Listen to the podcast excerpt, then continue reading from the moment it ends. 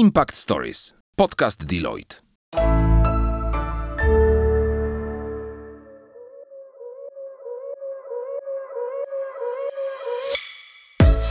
Cześć! Impact Stories powstało z myślą o studentach, którzy szukają inspiracji, chcą się rozwijać i poznawać świat biznesu od kuchni.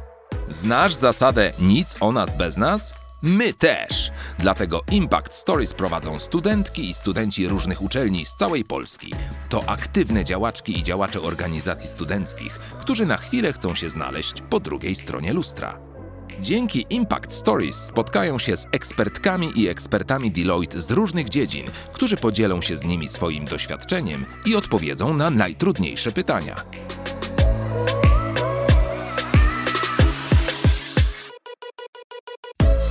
Dzisiejszym odcinku usłyszysz ambasadorów Deloitte, Dawida Baluch, studenta Szkoły Głównej Handlowej w Warszawie oraz Ewę Kruszyńską, studentkę Uniwersytetu Gdańskiego, członkinię Koła Naukowego Elektronicznego Biznesu.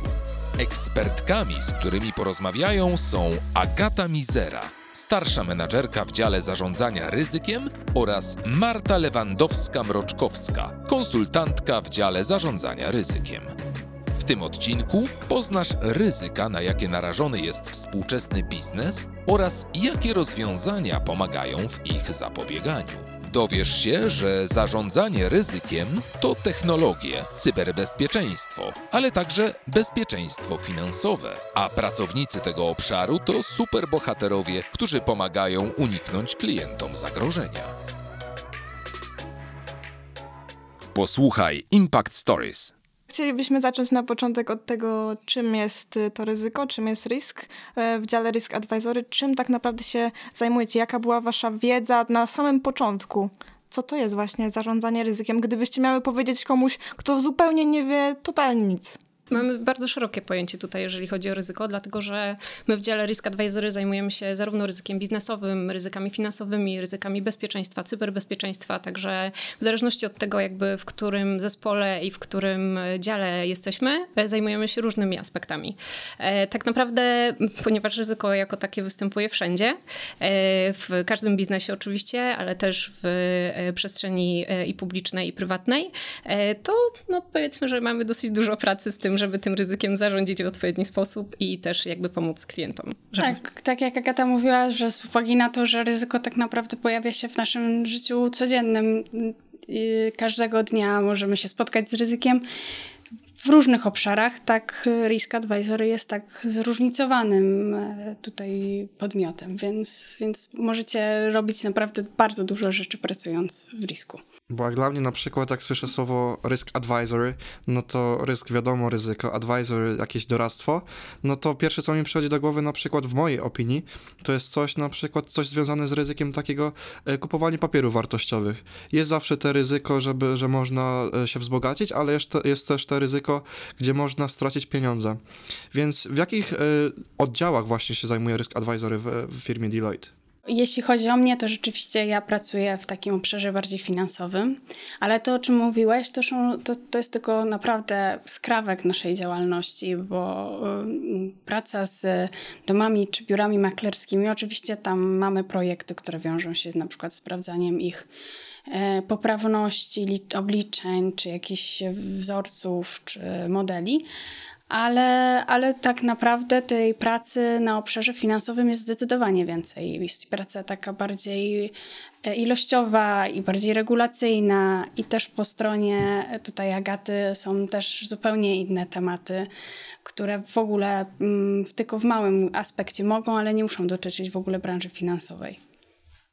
No, u nas, e, jeżeli chodzi o e, oddział e, cybersecurity, zajmujemy się przede wszystkim ryzykami bezpieczeństwa, bezpieczeństwa informacji. Zajmujemy się też zgodnością, czyli compliance'em szeroko pojętym, zarówno z prawem, jak i z regulacjami. I też tym aspektem ryzyka, który wiąże się na przykład z niedotrzymaniem pewnych standardów albo pewnych regulacji. Branże są właściwie wszystkie w tym momencie, jeżeli chodzi o cyberbezpieczeństwo, zainteresowane i też gdzieś tam zagrożone, dlatego że mm, te ryzyka właśnie związane z cyberbezpieczeństwem pojawiają się i w sektorach finansowych, i w sektorach związanych z bezpieczeństwem, z farmą, z szeroko pojętymi przemysłami manufacturingowymi, z automotive. Tak naprawdę każda jedna przestrzeń jakby może być gdzieś tam dotknięta właśnie przez ten rodzaj i ten aspekt ryzyka. A jakie są podzespoły w, w dziale Risk Advisory? Jakby, czy te zespoły między sobą y, współpracują, integrują się? Mogę powiedzieć tak, że my mamy bardzo zróżnicowanych ludzi, którzy pracują i często jest tak, że nie patrzymy przy budowaniu osób na projekcie na to, w jakim, do jakiego zespołu jest przypisana dana osoba, tylko jakie są potrzeby na dany projekt. Czy chcemy zrealizować e, cel, który się wiąże bardziej z regulacjami, a jak tak, to jakimi? Czy bardziej taki, który się wiąże z cyberbezpieczeństwem, ale są też takie projekty, które realizujemy we współpracy z innymi podmiotami i my zajmujemy się jedną częścią, oni drugą, sobie ustalamy jakieś, e, jakieś tam bufory, gdzie co i jak, w jaki sposób będziemy to procedować. Natomiast e, to, że się jest na przykład przypisanym do jakiejś tam jednostki i zespołu, to oczywistym jest to, że to, jest, to są osoby, z którymi się najczęściej gdzieś tam mijamy czy pracujemy, ale wcale nie jest powiedziane, że na wszystkich projektach będziemy tylko i wyłącznie z osobami swojego zespołu. Y, jeżeli chodzi o te zespoły, to całe spektrum właśnie zarządzania ryzykiem od y, FIR-u tak zwanego, czyli y, financial risków, przez zespoły zajmujące się projektowaniem strategii cyberbezpieczeństwa, bezpieczeństwa w chmurze i ogólnie rzecz biorąc w procesach chmurowych. Mamy dział, który się nazywa Detect and Respond, który zajmuje się bezpośrednio pentestami, ale też reagowaniem na incydenty bezpieczeństwa. E, mamy działy, które zajmują się też e, audytami, e, przeglądami, weryfikacją dojrzałości tak naprawdę i pewnych zgodności z klientami. Mamy działy, które zajmują się data analytics bardzo szeroko pojętym, także jest to miks rzeczy compliance'owych, procesowych i bardzo związanych z prawem i z regulacjami jako takimi, ale też dużo aspektów technologicznych, bardzo dużo aspektów, które są związane bezpośrednio z wdrażaniem wdrażaniem e, jakichś usług albo produktów e, dla klientów. E, także tak naprawdę całe spektrum od bardzo takich powiedzmy humanistycznych kierunków przez te stricte związane na przykład z architekturą bezpieczeństwa czy z setupowaniem właśnie jakichś narzędzi. Ja od razu powiem, że prawo nie jest humanistycznym kierunkiem, że to jest najgorsze, co można powiedzieć, ale co jeszcze dodam, to u nas w, w, w w risku naj, ostatnim, taką najbardziej rozwijającą się branżą, którą widzimy jeszcze pod kątem finansowym, e, jest tak zwany FinCrime, który zajmuje się, zajmuje się albo budowaniem polityk dla, dla różnych instytucji dotyczących właśnie przeciwdziałaniu praniu pieniędzmi, albo też robią różne narzędzia, które mają wspierać instytucje do wyłapywania różnych incydentów, albo robią due deal, które dotyczą właśnie aspektów y, tego, jak dana jednostka, przedsiębiorstwo spełnia te wymogi. Także mm, spektrum jest bardzo duże. Czyli nie macie takiego jednego stałego teamu, w którym cały czas pracujecie, ale macie takie różne środowiska. I jak, jak wam się pracuje w takiej właśnie, powiedzmy, trochę osób z jednego działu, trochę osób z, z, z drugiego działu? Właśnie jak, jak, jak wygląda ta współpraca? Y, mi się bardzo podoba to, że y, tworzą się takie interdyscyplinarne zespoły, dlatego że e, sam jakby charakter tej pracy nie jest tylko zamknięty w jednym obszarze, więc y, możesz się bardzo dużo nauczyć od koleżanek i kolegów z innych zespołów. Ja myślę, że to jest dosyć uniwersalne dla wszystkich osób, które są w ogóle w Risk Advisory, e, że mm, projekty, które my robimy, no oprócz tego, że jakby każdy z nas jest specjalistą w swojej własnej dziedzinie, ale gdzieś tam musimy wychodzić poza swoją czy strefę komfortu, czy poza jakby swój taki core y, bycia specjalistą y, i właśnie współpraca z y, innymi działami, z innymi zespołami w ramach Risk Advisory bardzo, bardzo to wspomaga i naprawdę wychodzi bardzo ciekawie. Czyli taki network jest też bardzo ważny w tej, w tej dziedzinie. Dobrze, a jak byście opisały właśnie, jak wygląda wasz taki typowy dzień w pracy? Czy to są głównie jakieś spotkania, czy to są głównie, e, głównie jakieś prace, projekty do zrobienia? Jak właśnie to, tak to wygląda? To zależy od projektów i od tego, co lubisz robić i jak lubisz pracować, bo w dziale mam osoby, które bardzo mało mają na przykład spotkań i tam pracują bardzo merytorycznie i poza taką pracą nad jakimiś plikami czy narzędziami, to raczej się nie spotykają z klientem, ale są też osoby, które mają bardzo duży taki, mm, taką ekspozycję na klienta i tych, mm, tych spotkań mają bardzo dużo. I to nie tylko osoby tam z wyższego szczebla menedżerskiego, ale też konsultanci, senior konsultanci i to tylko zależy od tego, jaki rodzaj masz projekt. A czy na przykład, bo też uczestniczycie w spotkaniach z klientami, czy klienci to są głównie e, z Polski, e, czy raczej z zagranicy? To zależy. Akurat... Całe spektrum tak naprawdę, no. Mamy często takie projekty, które są zagraniczne, szczególnie, że jeżeli tutaj mówimy o risku, to my tutaj w Polsce skupiamy no i kraje bałkańskie i teraz po, po, po rozpoczęciu wojny na Ukrainie, no to też mamy część rzeczy, które zostały przeniesione, projektów z Ukrainy. No i też, też te kraje centralnej Europy, czyli Węgry, Rumunia, My też bardzo mocno współpracujemy z Niemcami, ze Szwajcarią tak naprawdę, więc y, tak jak mówię, mocno zależy od samego klienta, od projektu, na którym jesteśmy, natomiast jakby jest całe spektrum, y, że tak powiem, osobowości klienckich mm. projektów. Co, co ciekawe, bardzo często współpracujemy też z Deloitte'ami z innych krajów, czy to z UK, czy z Hiszpanii, także bardzo mamy duże przecięcie międzynarodowe. Czy miałyście kiedyś taką sytuację, że przyszły, przyszłyście do pracy i zupełnie jakieś nowe wyzwanie było przed wami? Czy tak jest codziennie, czy tak jest rzadko? Codziennie. Tak jest codziennie. Okay. Zdarza się, że dzień przed przyjściem do pracy myślę sobie, o jaki będę miała spokojny dzień, a Dokładnie. potem przychodzę do pracy. Okej. Okay. Dokładnie. Czyli człowiek cały czas się uczy, nie tylko to jest do studiów, tylko aż nawet w, w dziale rysku, tak? Że cały czas trzeba... Zdecydowanie. Tak. Mm. No ale jak już mówimy o właśnie o nauce, to jak wygląda taki profil idealnego kandydata, który chce aplikować do Ryska? Y, ja myślę, że do samego Risk Advisory y, to jest zbyt ogólnie tak naprawdę powiedziane. Y, myślę, że już jakby zejście na ten poziom niżej, czyli tych zespołów, które są u nas, jest zdecydowanie lepiej sprofilowane, jeżeli chodzi o wymagania. Natomiast prawda też jest taka, że my na przykład w ramach samego cybersecurity mamy socjologów, mamy politologów, mamy prawników, mamy radców prawnych również, na zasadzie oczko wyżej, więc y, to nie jest tak, że jakby tylko i wyłącznie te działy jakby technologiczne wymagają osób na przykład po y, czy cybersecurity, czy po jakichś kierunkach związanych z y, programowaniem i też myślę, że w drugą stronę to też nie jest tak, tak. że właśnie w, u Marty w zespole tylko i wyłącznie tak, są sami to prawda, prawnicy. prawda jest taka, że u mnie w zespole to naprawdę na palcach jednej ręki ale bardzo jest dużo rzeczy ilościowych i ja jako prawnik e, to przyszłam i musiałam się nauczyć rzeczy takich super ilościowych, więc to naprawdę jest rozwojowe.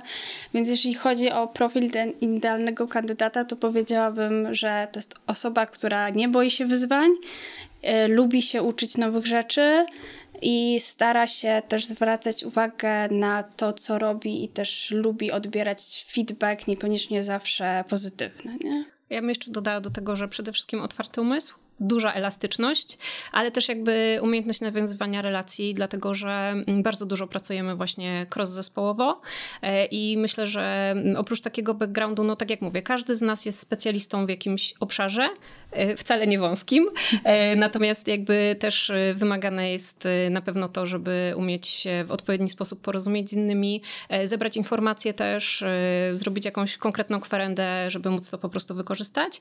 No i jakby sama natura projektów też potem weryfikuje to, że jednak każdy klient jest inny, każda potrzeba jest inna, nawet jeżeli wynika bezpośrednio z prawa czy z regulacji.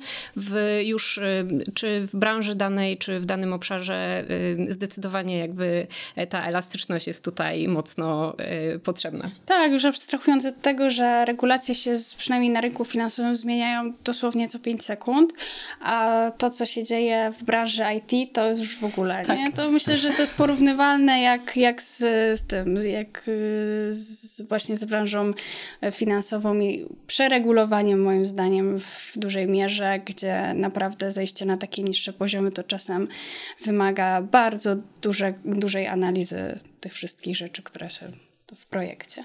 I chyba ten kandydat musi lubić ryzyko, żeby pracować w dziale Risk Advisory. Zdecydowanie. Ale czy jest właśnie, czy kandydaci raczej muszą mieć miękkie umiejętności, czy raczej twarde, na przykład jak analiza danych, czy, czy miękkie właśnie na przykład w jakichś spotkaniach uczestniczyć, jak to właśnie wygląda? Ja myślę, że to jest miks, natomiast jakby mm, w ramach już uczestnictwa w projektach tak naprawdę, w ramach tego jak pracujesz też z różnymi ludźmi i też jakby jaką masz ekspozycję na klienta, zawsze jakby ten drugi aspekt, czyli jeżeli rzeczywiście jesteś osobą z technicznymi umiejętnościami, która przyszła konkretnie jakby po jakichś technicznych studiach, y, ale gdzieś tam masz właśnie już potem ekspozycję czy na klienta, czy y, na pracę jakby z innymi zespołami, no to wiadomo, że trochę nadrabiasz tych miękkich umiejętności E, z drugiej strony, jeżeli e, zdecydowanie jakby jesteś bardziej taką relacyjną osobą i ogólnie rzecz biorąc jesteś też w takich projektach czy w takim zakresie e, bardziej na przykład, nie wiem, project managementowym, gdzie trzeba już ogarnąć jakieś rzeczy, ale tak naprawdę nie potrzebujesz tych technicznych skilli. W ramach znowu nowych projektów, nowych aspektów zawsze się poduczysz czegoś i być może znajdziesz jakąś inną drogę, że tak powiem, którą chcesz podążać, niekoniecznie jakby ten core, z którym przychodzisz na przykład przykład po studiach albo z jakimś tam początkowym doświadczeniem swoim. Tak. Tak. Ja jeszcze mogę powiedzieć, że tutaj akurat praca w tych projektach jest o tyle fajna, że jeżeli ktoś nie lubi albo się nie czuje w pracy z klientem, to nie, niekoniecznie musi w tym brać udział. To, te projekty są często też dobierane pod to, czego my byśmy się chcieli nauczyć, czego byśmy chcieli spróbować. Więc bardzo często staramy, tutaj staramy się, żeby to, to było wyważone. Jeśli ktoś naprawdę nie lubi takiej ekspozycji na klienta, woli siedzieć i robić takie bardziej techniczne rzeczy, to też to nie jest żaden problem. A jeżeli ktoś się czuje, że może, że czuje się na siłach, żeby albo rozwijać, albo jest dobry w takich soft skillach, no to oczywiście jest to droga otwarta. Ja Wam jeszcze powiem jedną rzecz. Mamy mm, w ramach jakby naszych takich profili pracowych są dwie ścieżki. Jest ścieżka tak zwana menedżerska i jest ścieżka specjalistyczna. I akurat w Risk Advisory te dwie ścieżki są komplementarne do siebie, to znaczy ten obszar właśnie menedżerski to jest bardziej związany z, właśnie z ekspozycją na klienta, z e, zarządzaniem e, też e, i zespołem, i z zarządzaniem projek projektami samymi. Natomiast ta ścieżka specjalistyczna to jest też ścieżka, która wymaga od Was na przykład odpowiedniego poziomu certyfikacji, wymaga odpowiedniego poziomu jakby tych czy szkoleń technicznych, czy wiedzy w ogóle technicznej. I też jakby troszeczkę inaczej jesteśmy z tego rozliczani jako pracownicy już, no bo wiadomo, że mamy jakieś tam cele, które mamy spełnić, e, i e, troszkę inne cele są właśnie dla tej ścieżki menedżerskiej, troszkę, troszkę inne cele są dla tej ścieżki specjalistycznej, więc to też jest tak, że e, aha, to nie są ścieżki jakby zamknięte. Na zasadzie można bardzo łatwo jakby przejść z jednej ścieżki do drugiej, jeżeli ma się do tego jakiś tam powód na zasadzie czy chęć jakby reorganizacji swojego życia pracowego, czy też jakiś inny poziom zainteresowania, więc tutaj to jest akurat bardzo płynne. Ale właśnie e, będąc przy dziale Risk Advisory, e, czy więcej jest osób po, po studiach właśnie takich ekonomicznych, takich e, po studiach technicznych, czy, czy właśnie raczej tych ekonomicznych? Czy właśnie jest to taka mieszanka i trudno jest powiedzieć ja właśnie... Ja bym powiedziała, że to jest taka mieszanka, bo i są osoby po finansach i rachunkowości, i po ekonomii, i po jakichś tam specjalizacjach już w ogóle bardzo dla mnie egzotycznych jak na prawnika Słyszałam kilka takich różnych specjalizacji, ale szczerze mówiąc, jak nawet po matematyce są ludzie, także... Nawet po sinologii. Także tak, sinologii też, bardzo. Tak. Jest, miks jest ogromny. A jak właśnie wyglądało u Was właśnie doświadczenie, kiedy po raz pierwszy zaczęłyście pracować dla Deloitte'a?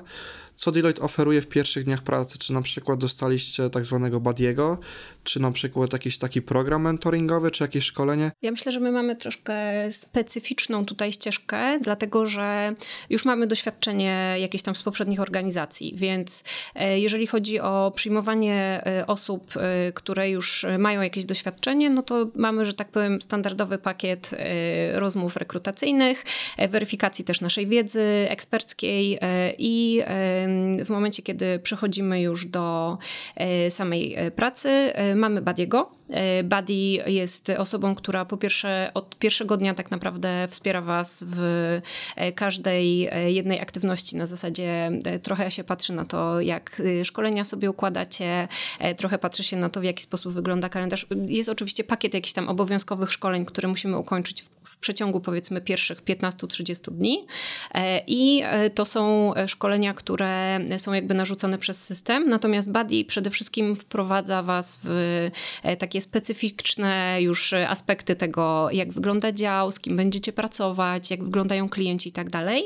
E, mamy też e, osobę, która jest onboarding leadem. To najczęściej jest wasz przełożony bezpośredni i onboarding lead ma za zadanie jakby zweryfikować to, że rzeczywiście wszystkie te aktywności, które są na początku, czyli mnóstwo papierologii oczywiście, właśnie te szkolenia, mm, ale też jakby rzeczy, których wy możecie potrzebować na samym początku, czyli jakieś rzeczy związane ze sprzętem, jakieś rzeczy związane z takimi, no po prostu z takim induction. E, czy to wszystko jakby zostało e, powiedzmy dopełnione zarówno przez firmę, jak i przez e, te osoby, które mają was wspierać. Um, co jeszcze? No ja bym może powiedziała, że jeśli chodzi o tę właśnie tą instytucję Badiego, jak myśmy, to nawet dzisiaj mieliśmy taką ciekawą rozmowę, że to jest takie wprowadzenie, że ktoś jakby poniekąd ma trochę obowiązek się tobą opiekować, ale wprowadzać cię tą organizację też z punktu takiej tych swoich znajomości, które zawiera się z, z, jego kręgiem, jej kręgiem i to tak się później przenosi i tak się człowiek nie czuje taki no okej, okay, tak, przyszedłem tutaj, przyszłam tutaj i co teraz, tak? No, tylko się zapoznaje ludzi i tak w taki sposób się gdzieś tutaj tworzą przyjaźnie i, i ten sposób to jest mm, od, oddziaływane. I to dzisiaj moja koleżanka powiedziała, że jej buddy stała się jej przyjaciółką i się umawiają na kawę, pomimo tego, że jedna już nie pracuje. Mówiłaś o dużych projektach. Czy trzeba mieć duże doświadczenie, żeby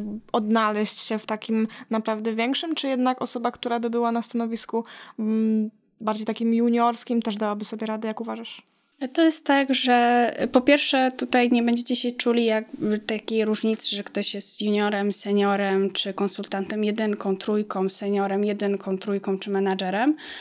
E, to nie będziecie w ogóle tego czuli, bo mm, tak współpracujemy ze sobą dosyć ściśle i jakby wspieramy się nawzajem w rozwoju. Natomiast te projekty są różne. Są takie projekty, które wymagają jakiejś właśnie dużej ekspozycji na klienta i są krótkie na przykład, a są e, takie projekty, które się ciągną latami, tak? Ja mam taki projekt, siedzę na takim jednym projekcie, który już teraz, no, mm, już chyba ma ze 3 lata, a wykluł się z tego kolejny projekt, też pewnie na jakieś 2-3 lata.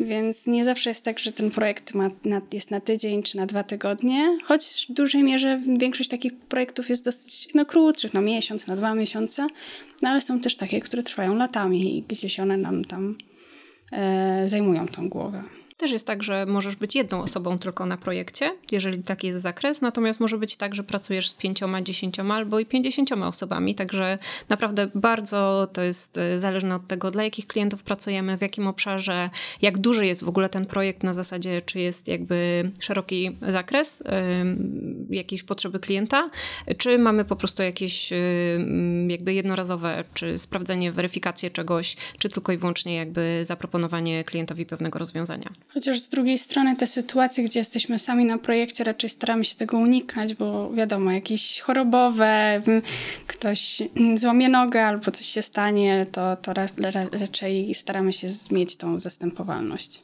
Ale właśnie jak już tak jesteśmy na projektach, to co myślicie właśnie, jaki był wasz naj, naj, największy projekt i taki najbardziej, czym się możecie pochwalić właśnie zawodowy?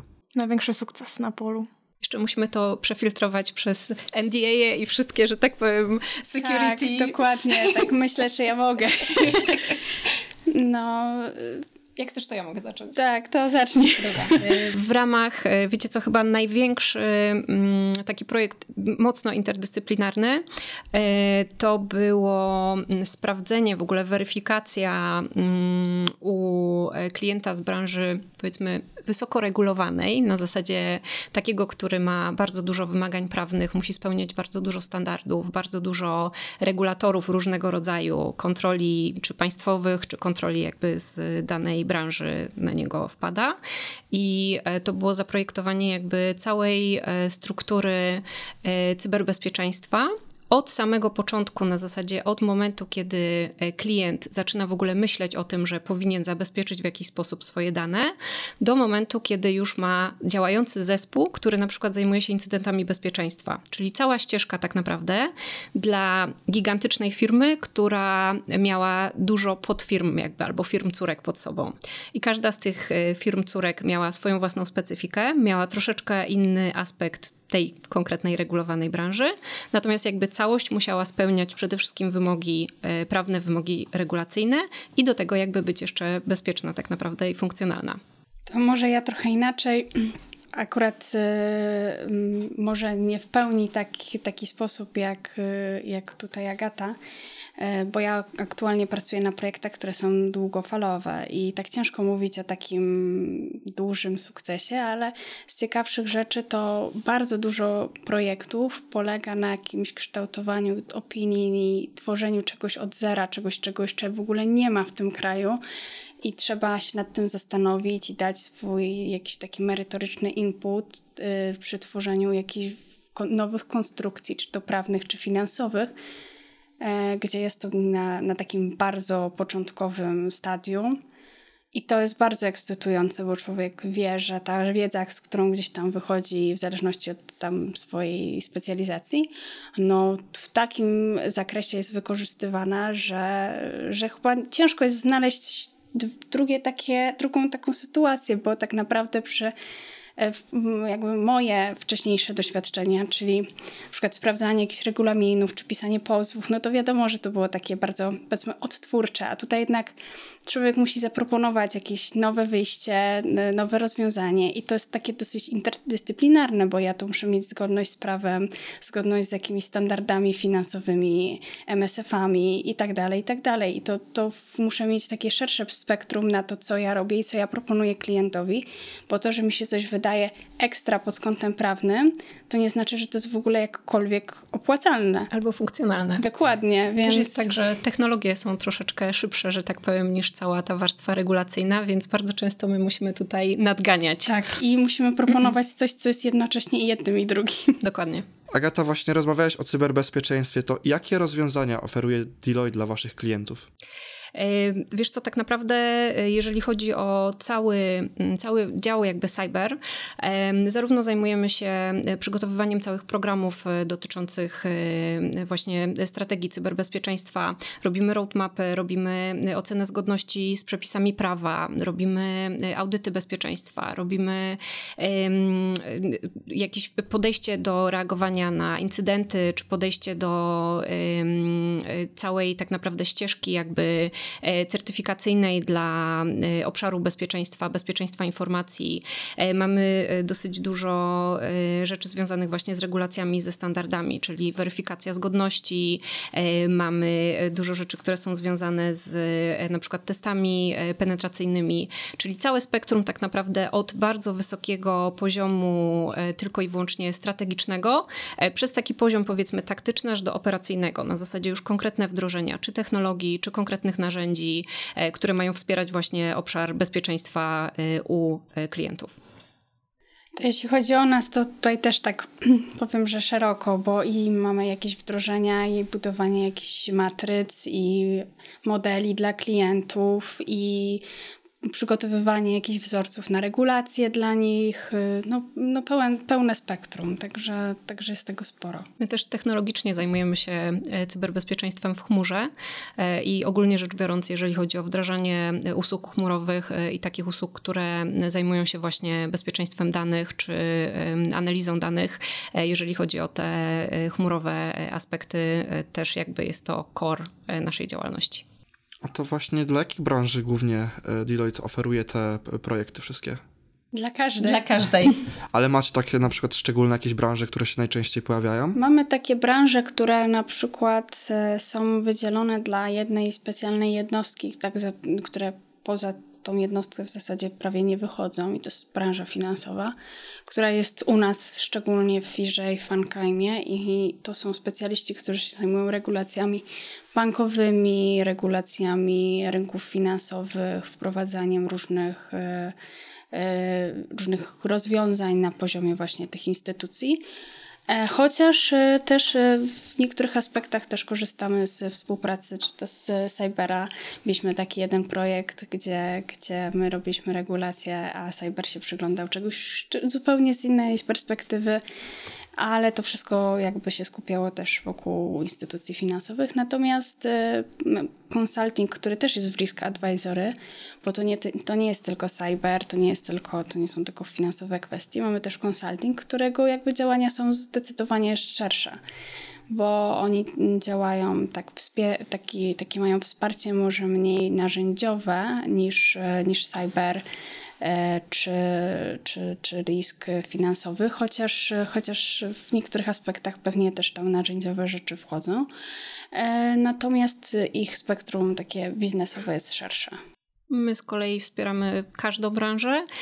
Y, naturalną koleją rzeczy te branże, które są mocniej regulowane, czyli na przykład farma, czyli na przykład automotive, branża z zakresu w ogóle energii e, czy paliw, e, to są branże, które już mają jakieś narzucone mm, aspekty e, bycia krytycznymi dla, czy dla państwa, czy dla poszczególnych jakby regionów. No i wtedy jakby automatycznie oni są bardziej zainteresowani tym, żeby ich dane były bardziej bezpieczne, dane ich klientów albo ich pracowników były o wiele lepiej zabezpieczone, a jakby to jest taka podstawa, jeżeli chodzi o cybersecurity jednak. E, I e, natomiast jakby wszystkie branże, które mm, są zainteresowane i to nie jest tak, że to są tylko gigantyczne firmy, które mają nie wiadomo e, jakie pieniądze i budżety przeznaczone na ten, na ten konkretny aspekt, tylko to jest też obszar małych i średnich przedsiębiorstw, także to nie jest tylko i wyłącznie że tak powiem, przeznaczone dla takich tuzów i dla tych wszystkich gigantów z setki pierwszej Forbesa firm, nie? Agata, mówiłaś o rozwiązaniach chmurowych dla klientów. Jak to wygląda? Jestem ciekawa bardzo, jak myślicie, czy zanosi się na to, że naprawdę rozwiązania te chmurowe, przechowywanie danych w chmurze wyprze tą całą papierologię kiedyś? Papierologię myślę, że raczej tak.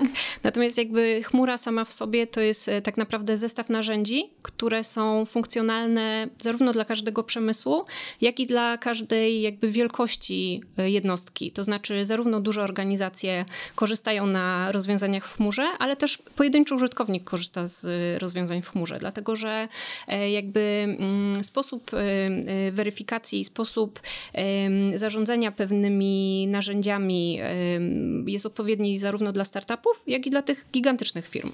E, to, co chmura daje tak naprawdę, to oprócz tego, że jest pewna, powtarzalna, ma absolutnie e, nieograniczone tak zwane capacity. Na zasadzie można ładować dane do chmury w nieskończoność tak naprawdę. No oczywiście jakby kwestia optymalizacji kosztów, którą zwłaszcza te większe firmy są zainteresowane, ale tak naprawdę to też schodzi nawet do poszczególnych użytkowników. No i to, że jakby te usługi, tudzież te narzędzia są powtarzalne, tak? Czyli one są bezpieczne przede wszystkim są kontrolowane w odpowiedni sposób. One mają e, odpowiednie jakby rozwiązania, które e, potrafią e, zabezpieczyć czy dane użytkownika, czy jakby produkt, który jest tworzony właśnie z pomocą tych rozwiązań. Ale uważam, że też to jest bardzo fajne, ponieważ w tym rysku, że to nie jest tylko sam rysk, tak? To, to są różne podzespoły. Klienci są nie tylko polscy, ale również zagraniczni, małe, średnie firmy, więc tak naprawdę w tym rysku jest wszystko. Tak. Tak. I na pewno nie zapomnijcie języków obcych i zauważycie, że istnieje konieczność, żeby się douczyć języków. I tak bardzo wiele osób u nas korzysta z takich programów, które pozwalają nam e, na dofinansowanie, a właściwie sfinansowanie dodatkowych lekcji różnych języków, które akurat mogą nam się przydać na, na projektach w danych obszarach. Czy, czy to niemiecki, czy to hiszpański, czy francuski, w zależności jakie są zapotrzebowania. Także macie pełne spektrum i wsparcie e, Deloitte do tego, żeby się rozwijać też pod, poza pracą, tak. Marta, mówiłaś o szkoleniach, ale jakie jeszcze inne szkolenia są oferowane dla pracowników? To zależy na czym jesteś skupiony i czego chciałbyś się rozwijać. Bo prawda jest taka, że jakby spektrum, które możemy, e, z którego my korzystamy, tam jest, jest, mamy taką dużą platformę, którym możemy się zainteresować, jeśli na przykład czujesz potrzebę pod, podszkolenia z jakiegoś programu czy z jakiegoś obszaru, no to tam zazwyczaj jakieś tam początkowe szkolenie sobie znajdziesz i możesz tam e, sobie je dobrać e, i wpisać na swoją listę. I oczywiście to też jest dosyć często używane e, prze, przez nas, e, o ile nie jesteśmy zawaleni projektami. E, natomiast są też takie szkolenia zewnętrzne, które często sobie znajdujemy, czy jakieś dodatkowe kwalifikacje, które podnosimy. I w tym też firma nas wspiera i ja na przykład idąc do Risk Advisory byłam na trzecim roku aplikacji radcowskiej, no co się wiązało z tym, że po prostu miałam zajęcia czy egzaminy i z tym też nie było żadnego problemu. E, I teraz e, za trzy tygodnie idę na swój urlop naukowy do egzaminu radcowskiego. I też nie było żadnego problemu. Wystarczyło powiedzieć, że przez jakiś czas będę wyłączona, bo słuchajcie, idę zdobywać nowe kwalifikacje i super. E, natomiast e, takie e, możliwości są też w dużo szerszej mierze. Ostatnio nawet, nie wiem czy czytałaś Agata, dostaliśmy takiego maila, że jak ktoś pracuje ileś lat, to może sobie wziąć roczny, płatny urlop, żeby się rozwijać. Dokładnie. Więc, więc też są takie programy, które umożliwiają nam rozwój nie tylko na obszarze zawodowym. Znaczy w ogóle to portfolio jakby szkoleń jest bardzo szerokie i myślę, że prezentacja, która tylko i wyłącznie pokazuje obszary, w których są dodatkowo jakby szkolenia i te poziomy też jakby doświadczenia, czyli od naprawdę basic, basic aż do naprawdę seniorskich i bardzo specyficznych umiejętności. Ta prezentacja ma chyba 200 parę slajdów i ogólnie rzecz biorąc z każdego slajdu macie całe tak zwane learning curriculum, gdzie możecie rozwijać tak naprawdę wszystkie e, aspekty, które są niezbędne, czy w zarządzaniu projektami, e, czy w e, poszczególnych jakby aspektach takich bardziej regulacyjnych, czy po prostu już w aspektach technologicznych. Mamy też bardzo dużo tak zwanych aliansów, na zasadzie strategicznych partnerstw z prowajderami i z firmami, które po prostu zajmują się dostarczaniem narzędzi. Z Googlem, z SAPem, Salesforce'em tak naprawdę to jest bardzo, bardzo szeroka ścieżka i ci partnerzy nasi, oni też nam pomagają jakby wzmacniać nasze umiejętności, też się certyfikujemy w poszczególnych, e, e, w poszczególnych technologiach, więc e, naprawdę tutaj jest bardzo, bardzo szerokie spektrum i wsparcie, jeżeli chodzi o, o tą ścieżkę szkoleniową. No, u nas jest dokładnie tak samo. Natomiast jeszcze może zahaczę o taki temat, że nie tylko my się uczymy i uczymy się i uczestniczymy w tych warsztatach czy w jakichś szkoleniach, ale bardzo często nasze projekty też polegają na prowadzeniu takich warsztatów czy szkoleń dla klientów. Dla klientów, dokładnie. Co też sprawia, że też musimy się w jakiś sposób bardziej jeszcze zanurzyć, niż gdybyśmy sami uczestniczyli w takim szkoleniu, bo to, że my mamy jakąś tam wiedzę, to z góry nie przesądza o tym, że będziemy w stanie na przykład opowiadać o tym przez 8 czy 10 godzin. Albo dobrze to przekazać. Albo dobrze to przekazać, właśnie, żeby to zrozumiał mm, osoba, która po prostu nie ma zielonego pojęcia, o czym my mówimy od, od pierwszego stania, a musi wyjść z jakąś konkretną, merytoryczną wiedzą pod koniec tego szkolenia.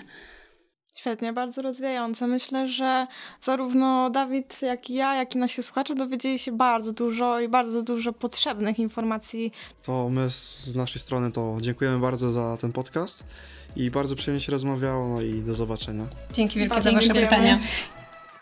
Dziękujemy za twoją uwagę.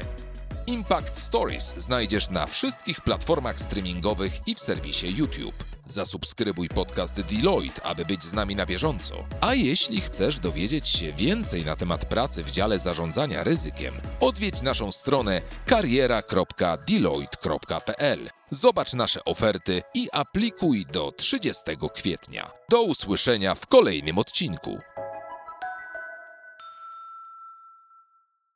Impact Stories. Podcast Deloitte.